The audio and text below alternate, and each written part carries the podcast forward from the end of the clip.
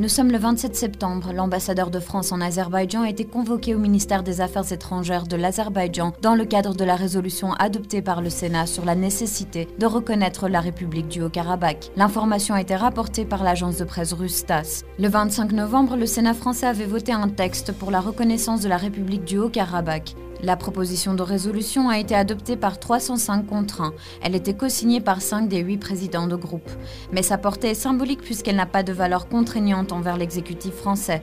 Selon les initiateurs, ce texte invite le gouvernement à reconnaître la République du Haut-Karabakh. Le ministère français des Affaires étrangères, quant à elle, est resté prudente et a noté que la reconnaissance par Paris de l'indépendance du Haut-Karabakh ne profitera ni à l'Arménie, ni au peuple du Karabakh, ni à la France. Le ministère a également ajouté que le gouvernement français ne reconnaissait c'est pas le Haut-Karabakh. L'Azerbaïdjan retarde l'échange de prisonniers et de corps et poursuit les traitements cruels, a déclaré le défenseur des droits de l'homme d'Arménie, Arman Tatoyan. Il a lancé un appel urgent à la communauté internationale. Selon Tatoyan, les autorités azerbaïdjanaises indiquent comme raison d'une part que l'échange de prisonniers aura lieu après la fin du processus d'échange de corps, d'autre part, le processus d'échange de corps lui-même est retardé sans justification. Avec tout cela, l'Azerbaïdjan enfreint gravement les exigences fondamentales garanties par les conventions de Genève. Il est évident que l'Azerbaïdjan a l'intention de créer délibérément une atmosphère d'incertitude et de tension dans la société arménienne, de saper l'intégrité mentale de la société, de causer des souffrances mentales aux familles des militaires morts et des prisonniers,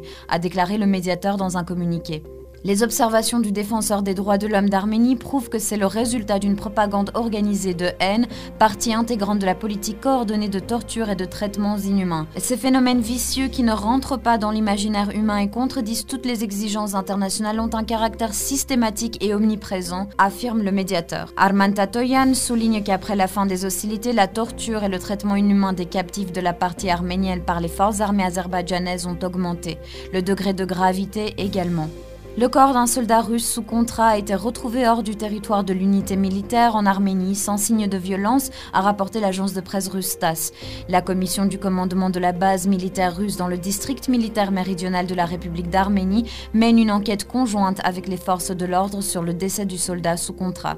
Le ministère de la Défense nie les rumeurs selon lesquelles 80 soldats azerbaïdjanais sont entrés dans la mine d'or de Sotk, dans la ville de Vartenis, dans le sud-est de l'Arménie. Les rumeurs circulant dans divers médias selon lesquelles les troupes azerbaïdjanaises auraient envahi la mine d'or de Sotk et exigé que les employés quittent la zone ne correspondent pas à la réalité, a déclaré le ministère de la Défense. Jeudi, des vidéos et des commentaires ont circulé en ligne affirmant que les forces armées azerbaïdjanaises étaient entrées dans la zone de la mine.